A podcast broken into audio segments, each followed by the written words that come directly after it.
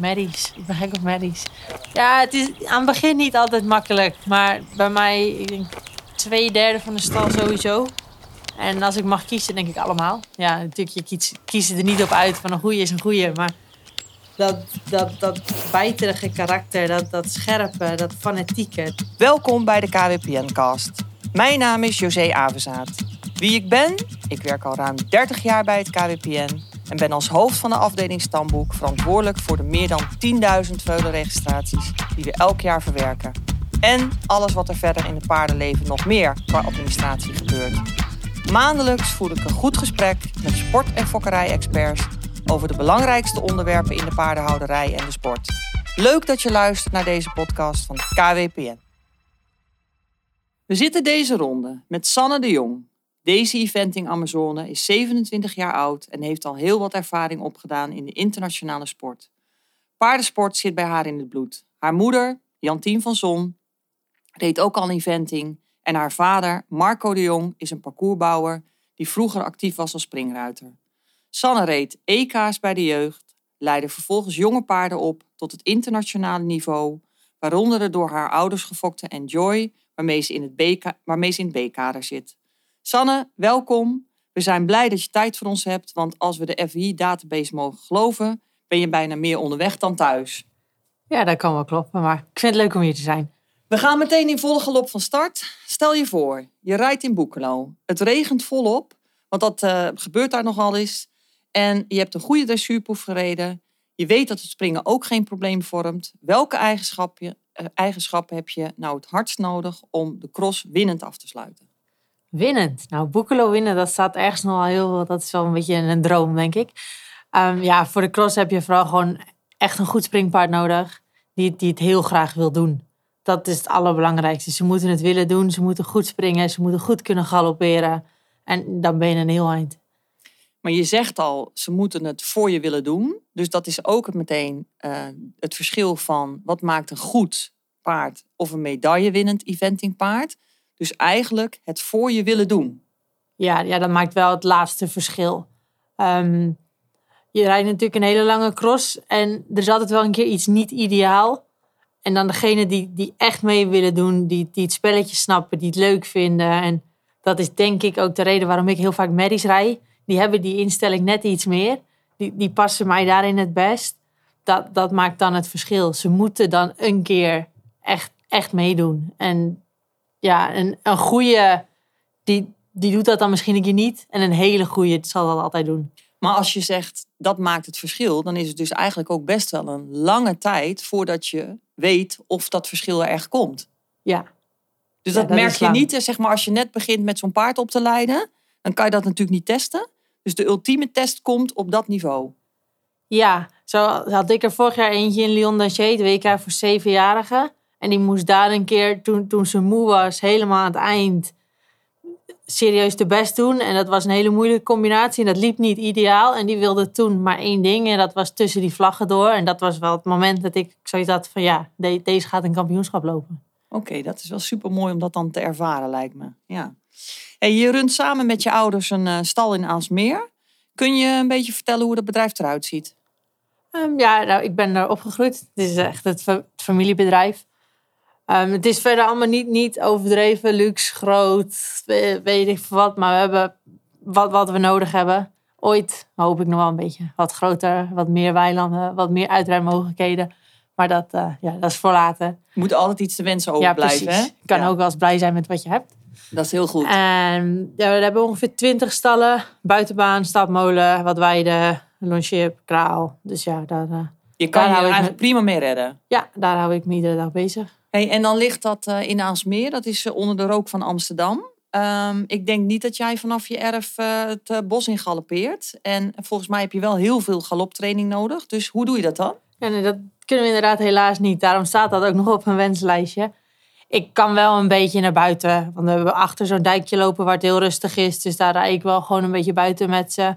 Ik kan eventueel te paard naar het Amsterdamse bos. Maar dan ben ik wel echt een stukje langs de weg onderweg. Ik kan ze ook even in de auto zetten. Dan ben ik er met vijf minuten. Maar daar doe ik niet echt mijn galoptraining. Want daar heb je zoveel honden, kinderen, bruggetjes. Dat je daarvoor te vaak onderbroken wordt. Daar kan je gewoon lekker rijden en dat is het. En voor de galoptraining ga ik naar het strand. En dan ga ik ochtends vroeg, dat het nog rustig is. En mooi bij laag water. Dan kan ik daar heel goed galopperen. En dan ook meteen gebruik maken van de zee. Daarna koelen en ehm, ja, lekker een beetje uitrijden. En door het water rijden is ook altijd goed. Is natuurlijk ook voor de benen heel goed. Ja. Hey, en hoe vaak doe je dat dan, zo'n eh, training langs het strand? Want galoptraining is wel echt een heel belangrijk onderdeel van jouw tak van sport. Ja, galoptraining is heel belangrijk voor ons. En naast het strand gebruik ik ook de heuvel. Dan ga ik naar de, rijd ik naar de Utrechtse heuvelrug. Doe ik daar naar boven, naar beneden rijden. En het ligt een beetje aan het niveau en de tijd in het seizoen. We beginnen ongeveer met iedere vijf dagen galopperen. En dan wissel ik strand en heuvel af. Op een gegeven moment, wat verder in het seizoen, worden de trainingen intensiever. En dan wordt de tijd ertussen iets langer. Maar ja, één keer in de week galopperen doen we altijd. Hey, en waar doe je dan eh, die crosshindernissen eh, oefenen? Want ik neem aan dat je misschien op je eigen terrein iets van hindernissen hebt. Maar je moet natuurlijk ook een ander terrein op. Ja, wel, thuis wel iets. Maar dat is echt, echt alleen maar voor de baby's, zeg ik altijd. Dat is eh, gewoon om een beetje te beginnen. En dat ze een beetje een idee hebben en een keer wat anders doen. Maar echt crosstraining kan ik thuis niet. Ik ga heel vaak naar Ede. Daar kom ik graag. Daar, daar heb je veel mogelijkheden. Paarden zijn daar altijd op hun gemak. Maar om crosstraining te doen moet ik inderdaad wel ook van huis weg. Het is dus echt wel heel erg arbeidsintensief. Het hele eventing gebeuren. Ja, Want je moet heel eigenlijk erg. altijd weg. Ja. Je hebt ook mensen nodig die je dan natuurlijk helpen. Want je gaat met, niet met één paard even op pad. Dus het is Nee, wel niet. intensief voor ruiter, paard en team eromheen. Ja, het is, het is heel veel werk. Hey, en dan is natuurlijk een ander dingetje. Eh, geld verdienen met alleen de sport. Is dit, dat is een lastig verhaal in deze sport, hè? Of is eventing een sport waar je van zou kunnen leven? Het kan, maar het is een moeilijk verhaal. Maar dat is het volgens mij in iedere sport. Eh, het is ook maar net hoe je het zelf indeelt. Er is eh, wel heel veel vraag naar fijne, goed opgeleide paarden. Dan niet eens echt toppers, maar gewoon de fijne paarden waar iedereen mee weg kan rijden. Of een junior of een jongrijder of een amateur, wie dan ook.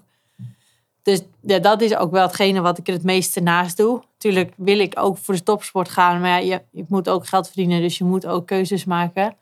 Dus ik probeer daarnaast altijd jonge paarden op te leiden. En ook wel van eigenaren. Daar kan ik dan ook geld mee verdienen. Dus die leid je op om dan uiteindelijk te verkopen. Maar eh, run je de sport als een bedrijf? En zeg je van, en hoe ziet jouw businessmodel er dan uit? Zeg je van, ik wil graag de topsport bereiken. Daar ben je natuurlijk al mee bezig. Maar je moet, wat je zegt, ook geld verdienen. Dus daarnaast moet je paarden opleiden en die verkoop je dan. Ja, En ja. dat is het businessmodel. Ja, en dan heb ik een, gelukkig ook nog een paar hele fijne eigenaren en sponsoren ernaast. Waarvoor ik dan wat paarden te rijden heb. En oké, het is niet dat die nooit weggaan. Maar die staan met het oog op de sport bij mij. En niet alleen maar voor de verkoop. En dan is het ook wel echt altijd eventingsport? Of zitten daar ook bijvoorbeeld springpaarden tussen? En daar staat op het moment ook een springpaard. Ehm, ja, gewoon jonge paarden opleiden is naar mijn idee eigenlijk wat je er ook mee wil doen, hetzelfde. Eh, ze moeten gewoon gevarieerd werken en veel andere dingen doen. En aan het begin train je ook nog niet heel specifiek op één doel. Aan het begin moeten paarden gewoon een, een goede basisopleiding krijgen. En het is vooral om hun lijf moet sterker worden Balans. en uitharden. Ja. En ja, dat, dat doe je niet alleen maar in een buitenbak, naar mijn idee. En ook niet met een springpaard. Oké, en jij rijdt eigenlijk voornamelijk, denk ik, Nederlandse paarden. Ehm, wat voor soort paard, kan je dat beschrijven, heb je dan eigenlijk nodig voor die eventing? Hmm, een Is dat paard. Bijvoorbeeld een springpaard dat fijn kan lopen? Of is het een paard met voldoende bloed en genoeg moed in het terrein? En de rest natuurlijk jouw arbeid. Ja, eigenlijk heb ik het allebei nodig. Ja? Ehm, ja, ze moeten goed kunnen, fijn kunnen springen. Dat is voor mij sowieso altijd het eerste. is de eerste voorwaarde. Ja. En dan heb ik het helemaal niet over dat het een Grand Prix springpaard moet zijn. Maar ze moeten gewoon simpel een 1,40 kunnen springen. En een heel goed voorbeen hebben. Oké, want ik, ik hoor wel eens mensen zeggen... als je geen goed eh, springpaard hebt, dan kan je eventing gaan doen. Maar dat is eigenlijk gewoon jezelf, eh, zeg Ja, maar... ge- gelukkig wordt dat steeds minder. Want eh, ja, ze vinden, hebben het ook vaak, ja, die eventing is gevaarlijk. Ja, als je het met een paard doet wat niet goed kan springen, is het ook gevaarlijk. Is het gevaar? Ja, dat is wel, voor mij is dat echt, echt het eerste. Hey, en als jij zo'n paard gaat kijken, is dan exterieur ook een, een zeg maar, keuze voor jou? En moet, moet een paard aan een bepaald exterieurnorm voldoen? Ehm, ja, je houdt er wel rekening mee. Want eh, het is niet dat het per se een bepaald exterieur moet zijn.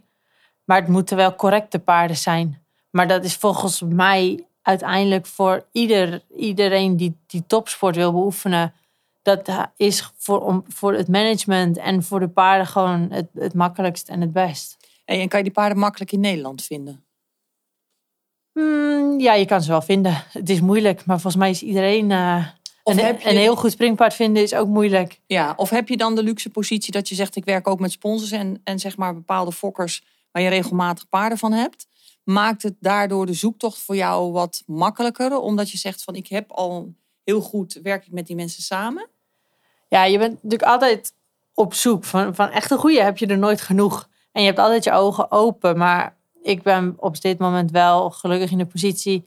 Ik heb eigenlijk nog nooit gedacht van god, er moet nog wat bij. Er staan er niet genoeg. Morgen heb ik geen paard meer om te rijden. Door, door wat, wat eigenaren waar ik voor rij, wat fokkers, doordat we zelf wat fokken. En er staat eigenlijk, bijna staat altijd wel vol. Oké, dat is mooi. Hey, en dus je, je, zoekt wel regelmatig. En dan kregen we via Instagram, vroegen we een, uh, iemand, uh, Jet Hoekstra, die zei... Waar moet een uh, jong eventingpaard aan voldoen? Ze moeten fijn lopen. Ze moeten fijn te rijden zijn.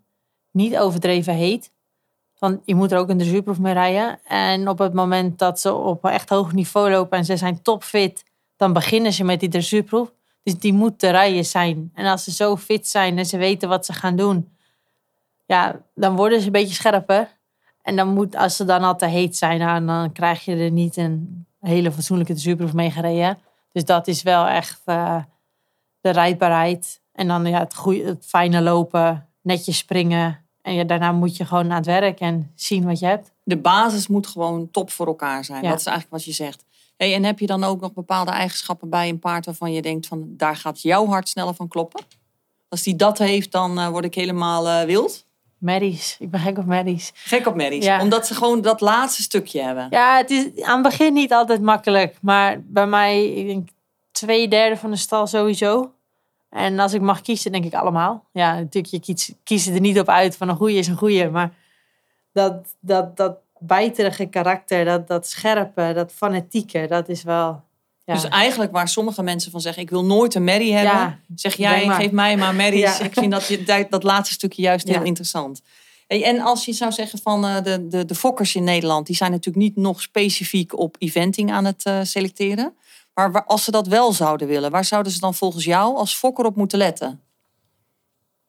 Um, ja, dan komen we toch weer een beetje bij hetzelfde. Karakter, rijdbaarheid, fijne basisgangen en een beetje bloed in de fokkerij heb je natuurlijk nodig. Maar die heb je volgens mij op het moment ook in de springpoort nodig. Eigenlijk moet je gewoon een fijn springpaard hebben. En die moet een goede opleiding krijgen. Dus eigenlijk zeg je, je hoeft je helemaal niet zo te focussen op dat eventing. Het gaat gewoon om een goed springpaard wat je op moet leiden. En dat je natuurlijk een andere opleiding volgt als je hem als eventing wil, uh, paard wil gaan opleiden. De, de pure volbloed, dat is tegenwoordig, daarvoor is de sport ook te veel veranderd. Dressuur en springen is zo belangrijk geworden. Je hebt meer een springpaard nodig tegenwoordig. En jullie hebben natuurlijk zelf uh, Enjoy uh, gefokt. Ja. Waar heb je, of je ouders of jullie, uh, echt op gelet bij zeg maar de fokkerij van dat paard? Of is dat dan gewoon al een soort van plus? Omdat je natuurlijk weet uit wat voor een lijntje die komt. Dat dat, nou bijvoorbeeld dat je denkt, nou daar moet een goed eventingpaard uitkomen. Um, ja, nou, het lijntje van Enjoy, dat, toen, was ik echt nog heel jong. Dus al de hengstenkeus en dingen, daar heb ik niet heel veel van meegekregen ik weet dat er daar vooral gelet is op, op rijdbaarheid. Want um, mama heeft met Enjoy de Oma gereden. En dat was een knettergekke volbloed. Die altijd aan de ren ging. En een fantastisch paard, maar veel te heet. Dus daar is alleen maar springpaarden bij, bij gezocht dat de rijdbaarheid beter werd. Hey, en zijn die paarden toen bewust al gefokt voor jouw sportieve toekomst? Of uh, hoe moet ik dat zien? Was dit gewoon geluk dat jij nee, ja, dat is ook een beetje zo gelopen, denk ik. Want Enjoy is ook de enige die nog over is van het hele lijntje. Ehm, alles daarvoor, en dat is ook nu de jongste nog. Dus eigenlijk was het, toen die paarden er waren, reed ik nog pony. Oké. Van dat is niet. Uh, nee. Maar je bent daar wel mee opgegroeid en heb je ook al vanaf het begin dat je bent gaan rijden, ben je in die eventing al meteen, zeg maar, die selectie heb je, of die keuze heb je wel gemaakt? Of ben je eerst gewoon bij de ponies gaan springen, van alles. ik was, toen ik klein was, was ik heel bang. Dat, dat geloven mensen Oh, niet, dat maar dat is echt zo. Ik was heel bang. Ik vond alles eng. En als ik dan, dan reed ik L en dan moest ik een keer M. En dan zat ik jankend op mijn pony, want ik Je bent er gewoon opgeknoopt door je moeder. Nee, en nou, nee, je nee, blijft nee. zitten. Dan, dan was het, nou, dan ga je niet. En dan ging ik weer naar huis en dan werd ik nog bozer, want ik wilde wel, maar ik vond het ook eng. Dus ja, en dat is ook goed gekomen. Nou, ik wou net zeggen, ik denk dat heel veel ouders nu denken... nou, als het zo gegaan is, Ja. dan teken ik ervoor. Dan komt het wel goed met mijn kind. Ehm, nee, ik heb altijd gesprongen eerst bij de ponies en ook zelfs nog een keer junioren gereden. Maar er hingen nog wat foto's binnen van mama die vroeger wel gecrossed heeft. En toen, ah, wat, eh, dat lijkt me ook wel leuk en dat wil ik ook wel een keer doen.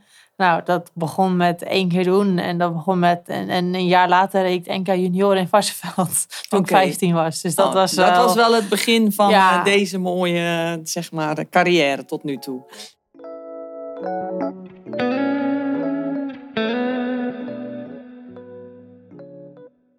We gaan even bellen met Dirk van Zandvoort, onze partner van Van Zandvoort Makelaardij.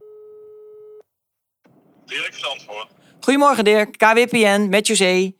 Eh, fijn dat je even tijd voor ons hebt. Ik zou je graag eh, een paar vragen willen stellen, omdat je official partner van ons bent. Is denk ik lang, leuk en belangrijk voor onze leden. Heb je er even tijd voor? Ja hoor. Super, probleem. super. Jullie zijn een makelaardij die ook eh hypische accommodaties in de verkoop en of verhuur hebben. Hoe kunnen mensen bij jullie terechtkomen eh, om zo'n accommodatie, als ze in de, een accommodatie in de verkoop of in de verhuur willen? Eh, hoe kunnen de mensen bij ons terechtkomen? De meeste mensen die bij ons terechtkomen is denk ik toch vanuit de website en vanuit Funda natuurlijk. Daar presenteren wij alle panden op. Eh, maar waar we ook heel, op dit moment heel veel mee doen is met social media en vooral met Facebook en Instagram. Daar zetten wij eigenlijk de panden op die nieuw in de verkoop komen. Eh, zeg maar als eerste dat die daar geplaatst worden. Daarna gaan wij al onze mensen aanschrijven die eigenlijk in ons bestand staan van eh woningzoekenden en die ooit iets opgevraagd hebben. Ja, en ik zie inderdaad regelmatig mooie accommodaties voorbij komen. Je zei het net al een beetje, dat delen we voornamelijk via Facebook. En eh, als iemand daarin geïnteresseerd is en meer informatie wil hebben, gaat dat ook via Facebook of hoe kunnen ze dat eh, bij jou verkrijgen? Nou, de meeste mensen die meer informatie willen hebben, die bellen naar ons kantoor toe. Eh, dan hebben ze natuurlijk al wat vragen of ze willen al meteen een bezichtiging inplannen. Als ze een bezichtiging inplannen, dan, eh, dan gaan we gewoon met die mensen het object bekijken. Dan ben ik er meestal zelf ook bij. En dan kunnen ze nog heel wat vragen stellen. Als ze de bezichtiging inplannen, dan krijgen ze van ons meestal al per e-mail de brochure toegestuurd. Een vragenlijst en een roerende zakenlijst. Dat de mensen al een beetje ook voorbereid kunnen zijn van nou, wat staat er te koop? Wat is het overname? En ook wat betreft de vragenlijst natuurlijk van is er iets met vergunning gebouwd? Is er iets zonder vergunning gebouwd? Of dat soort dingen. Dus de meeste dingen nemen we dan in ieder geval al weg voor ze.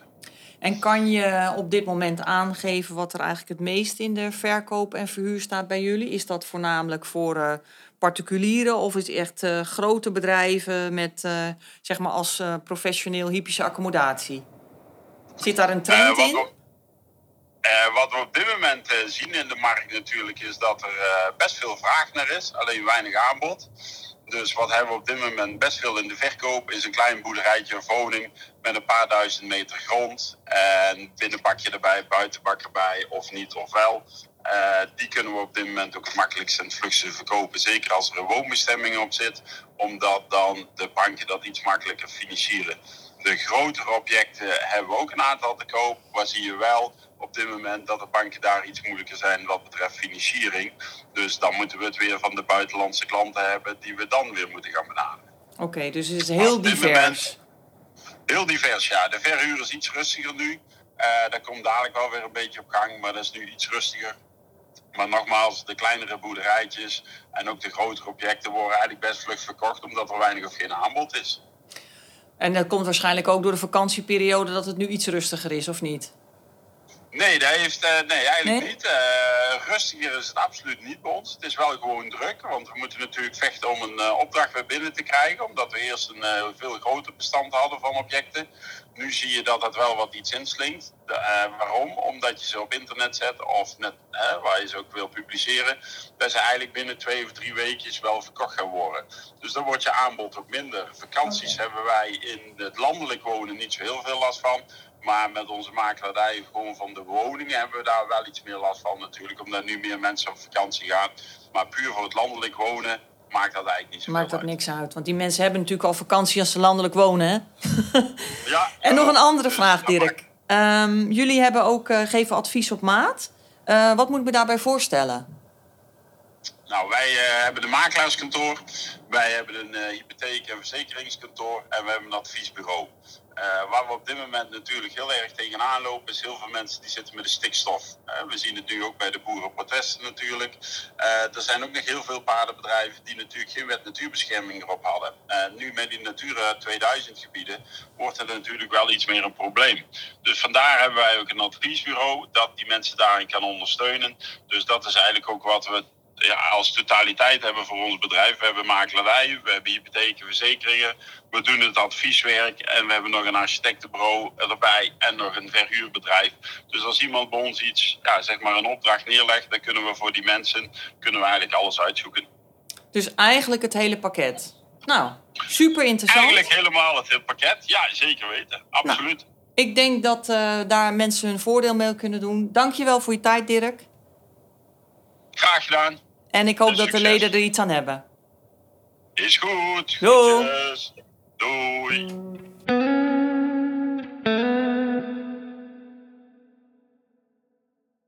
Hey, en dan ga je eigenlijk nu best wel vaak op pad. We zagen in de FI-database dat je alleen dit jaar al zeven keer internationaal op pad bent geweest. En in 2021, wat natuurlijk ook een, een coronajaar was, nog 16 keer. Eh, dat betekent dat je ongeveer elke vier weken eh, een week van huis bent. Hoe ziet zo'n week eruit voor zo'n internationale wedstrijd? Kan je ons daar een beetje meenemen? Ehm, ja, nou, dat ligt er ook een beetje aan hoe ver het is natuurlijk. En hoe, hoe belangrijk, hoe groot de wedstrijd is. Van wanneer je aan moet komen en of het een lange wedstrijd is of een korte wedstrijd. Als de paarden lang moeten reizen, dan doe ik ze de dag ervoor gewoon alleen maar een beetje rustig werken thuis. Dat ze wel geen spierpijn hebben, niet moe zijn. En dan daarheen even rusten. En dan beginnen we met of de eerste keuring of de dressuur. Ligt, ligt aan de wedstrijd. En dan is het of springen of crossen. Dat ligt ook maar net aan, of het een korte wedstrijd of een lange wedstrijd is. Maar is het altijd één onderdeel per dag? Want hoe ziet zo'n internationale wedstrijddag er dan uit? Want het is meerdere dagen. Ja, het is meerdere dagen. En het, het is, zeg maar, laat ik dan gewoon even over het algemeen nemen. Dan hebben ze vaak op donderdag of vrijdag dressuur. Ligt er gewoon aan wanneer je gelood wordt. En dan is op zaterdag of het springen of de cross. En op zondag dan het andere onderdeel. Oké, dus dat is, ja, het is altijd meerdaags. En eh, dat ligt aan de wedstrijd, want je hebt natuurlijk ook vaak meerdere paarden bij je. Dus per categorie, dan is het natuurlijk wel een druk programma. Dan moet dat gewoon lopen als een machine. Hoeveel mensen neem je bijvoorbeeld mee? Oh, dat, dat valt wel mee. Maar ik- ben best wel geordend daarin zelf. En ik doe ook altijd heel graag veel zelf. Ik ben graag met die paarden bezig, erbij betrokken. Je kent ze door en door. Ja, en, maar dat heb ik thuis ook. Van, ik heb ook wel eens mensen gehad die zeggen, "Maar het is wel echt... Oké, ik ben misschien niet, niet altijd de makkelijkste, maar ergens ook wel ideaal om voor jouw groom te zijn. Want je wilt toch overal zelf mee bemoeien, dus ik hoef niet zoveel te doen. Dus ja, maar dat, ja, zo zit ik een beetje in elkaar. Ehm, zoveel mensen heb ik niet mee. Van als, je, als je weet wat, wat iedereen moet doen, van op aan dat, kan. dat werkt voor mij veel. Dan, heb ik, dan doe ik liever zelf wat meer. Dan werk ik wat harder, maar dat geeft mij meer rust dan heel veel mensen om me heen en heel veel chaos. Dat, dat werkt voor dus mij dat niet. is gewoon jouw systeem. Hey, en dan ben je eh, internationaal op pad. Dan eh, staan er thuis nog jonge paarden die opgeleid moeten worden. Eh, hoe zorg je dan tijdens jouw afwezigheid voor die continuïteit in training van die jonge paarden? Maar dat is een mooie puzzel altijd. Maar meestal lukt het goed. Ehm, ja, het is natuurlijk, het zijn ook jonge paarden. Dus die hoeven niet iedere dag, iedere week heel veel. Dat is ook zeker wel echt iets waar ik heel veel rekening mee hou. Die paarden gewoon de tijd krijgen om groot te worden, om sterker te worden. Dus ik doe wel, als ik thuis ben, dan werken ze misschien wat harder. En als ik er dan niet ben, dan worden ze gewoon netjes bijgehouden. En ze lopen in de wei, ze worden gelongeerd, ze worden een keer gereden. Dan doen ze iets minder. En als ik er dan weer ben, dan werken ze weer wat intensiever. En voor mij werkt dat heel goed. Dan kunnen die paarden hebben iedere keer even een beetje pauze. En dan kunnen ze er even over nadenken. Dus het is eigenlijk gewoon past heel goed in het eh, schema van opbouwen van die paarden. Zo Ja. van een beetje pieken en een beetje weer rustig. Zodat het lichaam kan herstellen en ook gewoon kan, goed kan doorontwikkelen. Ja, en mentaal vind ik dat het ook, ook heel goed is voor ze. Dat Ja. ze af en toe weer even... En ook in de Dus- winter komen ze altijd buiten. Ja, En ik heb ook alleen de buitenbak, dus ik rij altijd bij. Nee, maar ik bedoel ook gewoon in het land. Of Ja. zeg je van eh, in de paddock dan en eh, altijd gewoon los ook? Ja. Voor, de, voor de kop, zeg ja, maar. natuurlijk, het wisselt een beetje per paard. En per, als, het, als er heel veel sneeuw ligt, een keer niet. Nee. maar ze komen veel buiten, ja. Ja, oké. Hey, en dan ben je ook eh, vaste deelnemer van het KWPN eh, kampioenschap voor jonge eventingpaarden. En die titel die heb je natuurlijk ook best al een aantal keren behaald. Ehm, zegt die wedstrijd volgens jou iets over de mogelijkheden van die paarden in de toekomst? Dus zeg je, als je daar goed meedoet, dan geeft dat wel een indicatie voor een verdere loopbaan.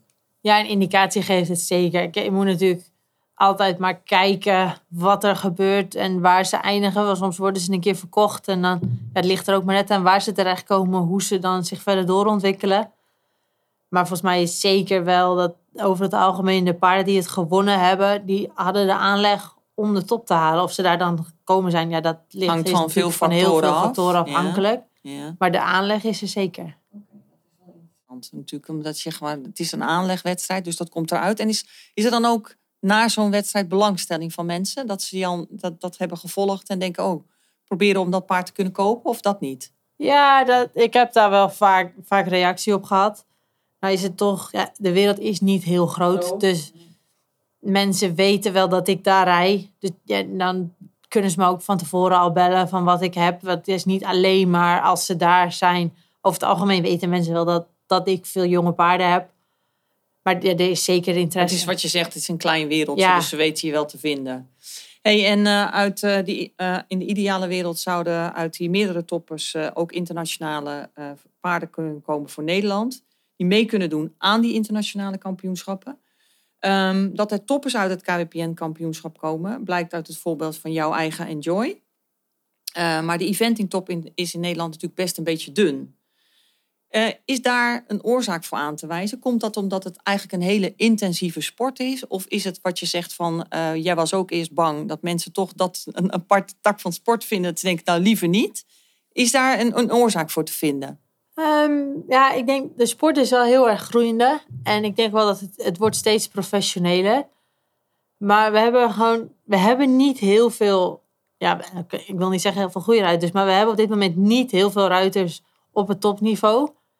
En ja, er zijn ook best wel wat paarden verkocht en dingen. Dus op het moment is het heel dun. Maar ik denk dat de mogelijkheden zijn er zeker. En je zegt het is groeiende. Heeft dat ook iets te maken, tenminste dat heb ik wel eens gehoord in de coronatijd, dat mensen dachten van nou het is natuurlijk gewoon verveling, sloeg ook een beetje toe. En dit is natuurlijk wel heel intensief, dus je doet veel meer dingen met één en hetzelfde paard. Kan dat er Ja. iets mee te maken hebben? Daar heb ik eigenlijk nog nooit zo over nagedacht. Maar dat, ja, dat zou inderdaad zeker kunnen. Om me heen heb ik dat in coronatijd best wel gezien. Dat mensen denken, oh, dat ga ik ook eens proberen. En dan denk ik, nou ja, hoezo dan? Maar misschien omdat ze meer tijd hadden. Dat weet Ja. ik niet. Ja, en lekker buiten. Er Hey. ging wel veel door bij ons. Ja, omdat- precies. het Daar is ging wel veel door, wat je zegt. Hey, en wat moeten we als land veranderen om een bredere eventing top te krijgen volgens jou? betere paarden in Nederland houden. Maar dat heeft natuurlijk ook weer te, gel- te maken met geld Ja. en interesse van sponsoren. Ja. Oké. En als we een stap, een stap terug zouden doen en we zeggen, eh, is een bredere eventing top wel gewenst? In het kader van zoals het nu gaat. En eh, dat je zegt van mensen die ook wel misschien meer gaan letten op, is die tak van sport nog wel in het kader van welzijn? Denk ik eigenlijk juist. Want je, je staat veel dichter bij de natuur. Je bent, eh, hebt een veel gevarieerder programma. Ik, ik ben wel van mening dat, dat eventingpaarden over algemeen wel echt gelukkig zijn. Het is, het is natuurlijk veel natuurlijker eigenlijk. Want kijk, de paarden zijn natuurlijk kuddedieren. Dus ze kunnen ook gewoon veel meer galopperen en doen. Dus jij hebt er wel vertrouwen in dat het een, eh, zeker een, een tak van sport blijft... die misschien nog wel gaat groeien in de breedte. Maar dat het ook voorlopig wel zo blijft. En ik denk dat als je eh, ruiter bent... je wil natuurlijk je eigen veiligheid veiligstellen voor zover mogelijk. Dus je bent misschien wel op en top gefocust en goed getraind. Ja, nee, dat zeker. Ehm, er wordt ongelooflijk veel aandacht besteed bij ons aan, het- aan het management en de eh, monitoring. En eh, de, er zijn heel veel dierenartsen die er gewoon bij betrokken bij het hele proces. Niet, niet om iets te doen, maar om alles in de gaten te houden. Ehm, die paarden die worden getraind met een hartslagmeter om, om te kijken hoe ver ze zijn in de fitness. En als er ook maar een klein iets opspeelt, dan, dan het eerste wat je dan ziet is dat de hartslag hoger is. Dus dan wordt er meteen naar gekeken. We doen lactaatmetingen om te kijken hoe, wanneer ze eventueel verzuren en hoe we dat uit kunnen breiden. Er wordt zoveel aandacht besteed aan de fitheid van die paarden. Dat is, ja, dat is volgens mij beter dan in de meeste In de meeste gevallen. Hey, en dan vind ik fitheid kan je bijna gelijkstellen aan welzijn van paarden. Is dat iets, een onderwerp, omdat het zoveel in de media is, waarvan jullie zeggen, daar zijn wij ook nog meer mee bezig dan we al deden? Is dat op een bepaalde manier zichtbaar? Nee, ik denk dat wij daar al heel veel langer veel meer mee bezig zijn dan dat mensen eigenlijk weten en denken. Ja, ik denk dat persoonlijk ook, want anders kan je met zo'n paard niet deze zeg maar, prestatie leveren. Want het is echt iets. Maar kijk, omdat het natuurlijk een onderwerp is wat steeds meer naar boven komt. In andere, bij keuringen, bij dressuurwedstrijden. Dat is bij jullie niet echt zozeer zichtbaar. Ja, natuurlijk komt het op. Want eh, en als, er kunnen altijd een keer ongelukken gebeuren. En dan komt het natuurlijk uitgebreid overal in het nieuws. Van en die eventing is gevaarlijk. En het is dit en het is dat. Maar ja, je, je kan ook pech hebben. En dat, dat, dat kan thuis ook. Ja, maar komt dat wel eens bij je op in zo'n wedstrijd? In het heetst van de strijd dat je denkt van... Oké, ik voel aan dit paard dat het vandaag... Dat ik heel graag wil, maar dat het niet zo is. Vind je dat ook te benoemen als welzijn? Dus dat je zegt, ik stop hier, want het voelt niet goed? Ja, ja? Dat, moet je altijd doen. Dat is, maar dan, uh... ook dat voel je, ook al ben je, heb je zelf de winnaarsmentaliteit. Ja. Dan toch zeg je, voor mij is het hier klaar. Dit is het laatste hindernis, ik stop er nu mee. Ja, dat is dat wel eens gebeurd? Ja, dat is mij ook wel eens gebeurd. In de um, aanloop naar Traaien. Toen stond ik nog op de longlist. En, en Joy had een blessure gehad. En die was weer net terug. En we dachten allemaal, het kon. Maar het was wel één ding. Je moet met gevoel rijden. Nou, is dat wel iets, dat, ja, dat moet je altijd. Maar het werd nog meer van... En ze, ze gingen heel goed van start en alles leek goed. En op een gegeven moment, ja, voor mij... Er was iets wat, wat voor mijn gevoel niet klopte. En toen heb ik inderdaad mijn hand opgestoken. En toen ben ik naar, terug naar stal gedraafd. Ik, weet niet, ik moest nog twee minuten, maar iets voelt er niet goed. En toen zei ik ja, waarom ben je gestopt? Ja, dat... Oh, maar dat vind ik eigenlijk top. Want dat is denk ik ook is natuurlijk een andere vorm van welzijn. En je moet ook gewoon zelf je verantwoordelijkheid nemen. En als je gek bent met die paarden en je doet, steekt daar zoveel werk in en je kent ze door en door, dan voel je dat. Dan weet je dat. Ja, maar dat is precies denk ik waar het ook om gaat. Als je dat zelf aanvoelt, je bent voor je eigen veiligheid en dat van je paard verantwoordelijk. Dus dan, dan denk ik van, we kennen ook allemaal de beelden van ongelukken in die venting. En dan mensen roepen van, ja, het is onverantwoord. Ehm, toch lijkt het een beetje of de, de welzijnsdiscussie langs die eventingsport gaat. Dat daar gewoon weinig over gezegd wordt. Is er voor jou, uh, dat heb ik net ook al een klein beetje gevraagd, ruimte voor die eventing? En ik denk dat je net het antwoord al bijna gegeven hebt. Want je zegt van wij weten als geen ander hoe het voelt dat we safe aan de overkant komen. Dus dat is denk ik in het welzijnsverhaal heel erg belangrijk. En wordt alleen maar belangrijker, denk ik, in de toekomst. Ja, natuurlijk, het wordt veel belangrijker, want het, het is gewoon wel echt een ding waar we heel veel rekening mee moeten houden. Maar ik weet ook, ik weet echt zeker dat die eventingruiters er heel erg mee bezig zijn. En wat ik ook al zei, voor door de gevarieerde training en opleiding, dat die paarden wel, ja, daar wordt wel echt heel goed voor gezorgd. En die hebben wel echt een heel leuk leven. Ja, maar als je bijvoorbeeld kijkt naar een dressuurpaard, als we daarmee willen vergelijken, dan denk ik, oké, dat ziet er ook wel eens zo afgepast uit dat je denkt, dat doet hij ook niet met alle plezier. Kan je daar nog bij denken, een beetje meer je been en misschien doet hij dan dat wijken wel of niet. Bij de eventingsport is die keuze er niet, want je wil veilig naar die overkant komen. Dus denk ik eigenlijk dat als het paard zich niet happy voelt, gaat hij dat gewoon niet voor je doen. Nee, dan doen ze dat niet. Je kan moeilijk uh, Dwingen, 600 kilo afdwingen om 6 kilometer hard te gaan galopperen. Dan moeten ze dat eigenlijk Gaat niet gebeuren. Ja. Nee, dus, dus dat zie je voor die eventingsport zie je dat helemaal niet als een, als een risico, zeg maar. Dat ze op een gegeven moment zeggen, nou jongens, dit kan niet meer. Nou, ik wil niet zeggen helemaal niet. Want ik denk dat de, de hele paardensport ligt onder een vergrootglas. Ja. Ehm, maar door... Ja, ik denk toch wel echt dat doordat wij het, naar mijn idee, het dichtst bij de natuur staan, dat we wel ja, daar goed, goed mee bezig zijn. Heel goed mee bezig zijn, ja. En dan hebben we ook eh, via Instagram een, een vraag gehad. En die vraag is van Francis van Gemert. En die zegt of je iets, ooit iets gebroken hebt door het rijden van uh, eventingwedstrijden. Maar die moet ik dan wel afkloppen, maar dat heb ik niet. Nee? Oh, dat vind ik echt knap. Ja, ja, maar echt- ook nooit echt serieus dat je dacht van... oké, je, je hebt natuurlijk meerdere keren wel eens een serieuze val gemaakt... maar je hebt nog nooit iets gebroken. Nee, ja, ik moet het sowieso afkloppen. Want ik ben, ik ben oké, tuurlijk thuis val je heel vaak af. Maar op, op eventingwedstrijd is het wel echt, echt lang geleden dat ik op de grond gelegen heb. Ja? Die, die wil ik wel echt heel erg afkloppen. Ja, ja, dat zou ik zeker doen, ja. Want dat is vragen om ellende. Ja, ja, ik ben er één keer, dat was toen, denk ik, vier jaar geleden, vijf jaar geleden, vlak voor Boekelo gecrashed. En toen had ik mijn ribben gekneusd. Maar dat is wel ongeveer het ergste. ergste wat er gebeurd ja. is. Hey, en het is misschien een beetje eh, dat je denkt, waarom zit je daar zo door te zagen over dat welzijnsgebeuren? maar ehm, denk je dat er iets zou moeten veranderen als je zou zeggen van oké, als we daar toch mee te maken krijgen, dat in het kader van de welzijn zou er dan in die eventingsport volgens jou iets moeten veranderen?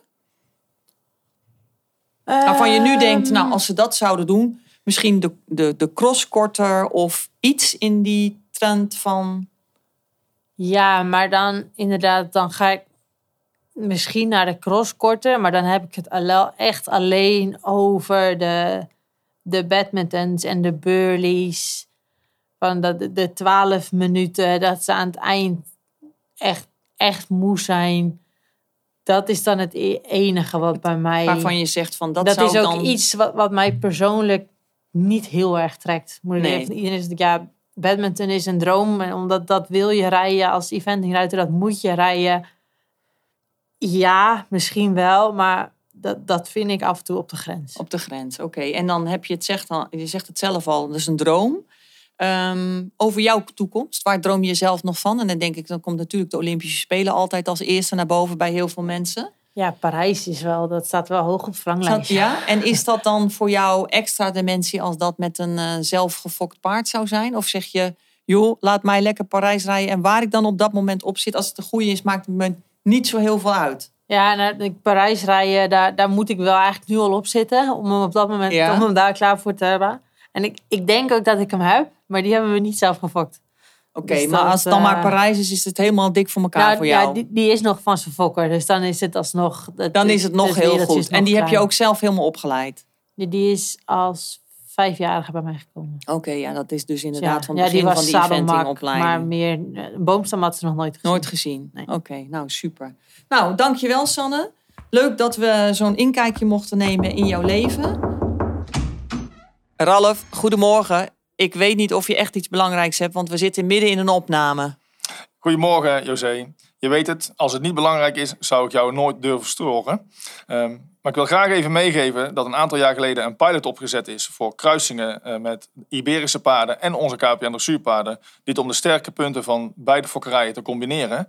Dan hebben we een primeur, want op woensdag 3 augustus, aansluitend aan de afstammelingenkeuring, is de eerste informatiekeuring voor deze crossbreeds. Er komen een heel aantal veulens en paarden en die zullen ook uitgebreid toegelicht worden door een vakkundige jury. Wij zijn nieuwsgierig naar deze kruisingsproducten. U ook? Kom dan 3 augustus naar het KWPN-centrum. Dankjewel Ralf. Het, was het is interessant en misschien is het voor de mensen inderdaad op 3 augustus ook heel interessant om te komen kijken. Dankjewel. En eh, we hebben dan altijd een rubriek om onze gasten nog ietsje beter te leren kennen. Hebben we ook nog altijd een paar leuke, gewoon gezellige vragen waar je zo bam op moet antwoorden. Ben je er klaar voor? Oké. Nou, dan gaan we voor de eerste is de living van de vrachtwagen of een appartement in het centrum van Amsterdam. Vrachtwagen. Eh, nog meer internationaal weg of nog meer jonge paarden opleiden? Je moet een keus maken. Het is niet beide, hè? Ehm, denk ik toch jonge paarden. Oké. Teamgoud of individueel goud? Individueel. Een carrière switch naar de dressuursport eh, sport of toch fulltime spring Amazone? Springen. Sushi of stampot? Sushi. Social media of de krant? Poeh, ja, je leeft in een wereld van social media, maar dat is ook af en toe helemaal niet leuk. Dus Ik vind het echt heel fijn om zo'n antwoord te horen. ja, ja, we kunnen niet onder social media Nee, uit. absoluut maar social niet. media is eigenlijk helemaal niet leuk. Nee, het kan soms leuk zijn, maar eigenlijk kan het ook heel erg tegen je werken. Ja. ja. TikTok of Instagram? Instagram. All you can eat of een Michelinster? Poeh, eh Michelinster. Een ochtend- of een avondmens? Ehm, allebei wel. Eh, toch ochtend dan. Ja? Ja. Oké.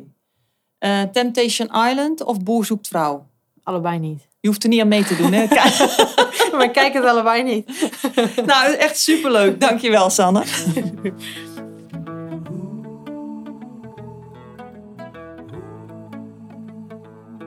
Ik heb een fokkersvraag binnengekregen.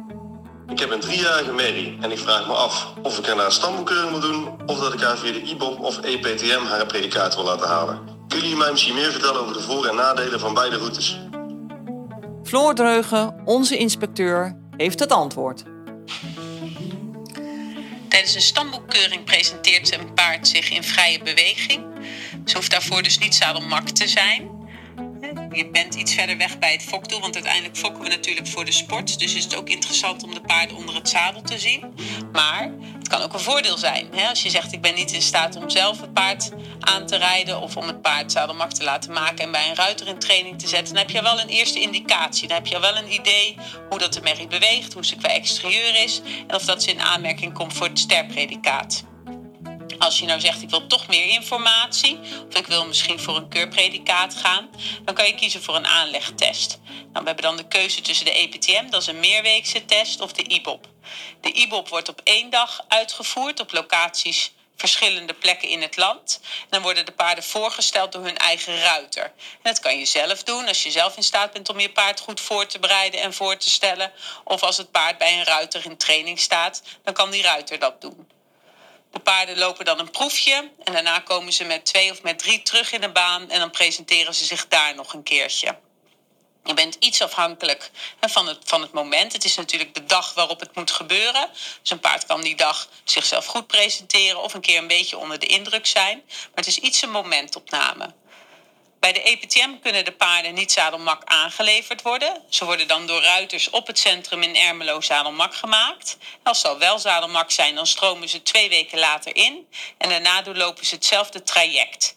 In die weken daarna worden ze meerdere malen door de juryleden bekeken en beoordeeld. En komt er dus eigenlijk een heel of een heel allround beeld van dat paard. Je ziet hem meerdere malen, dus je kan een goede inschatting maken van de aanleg.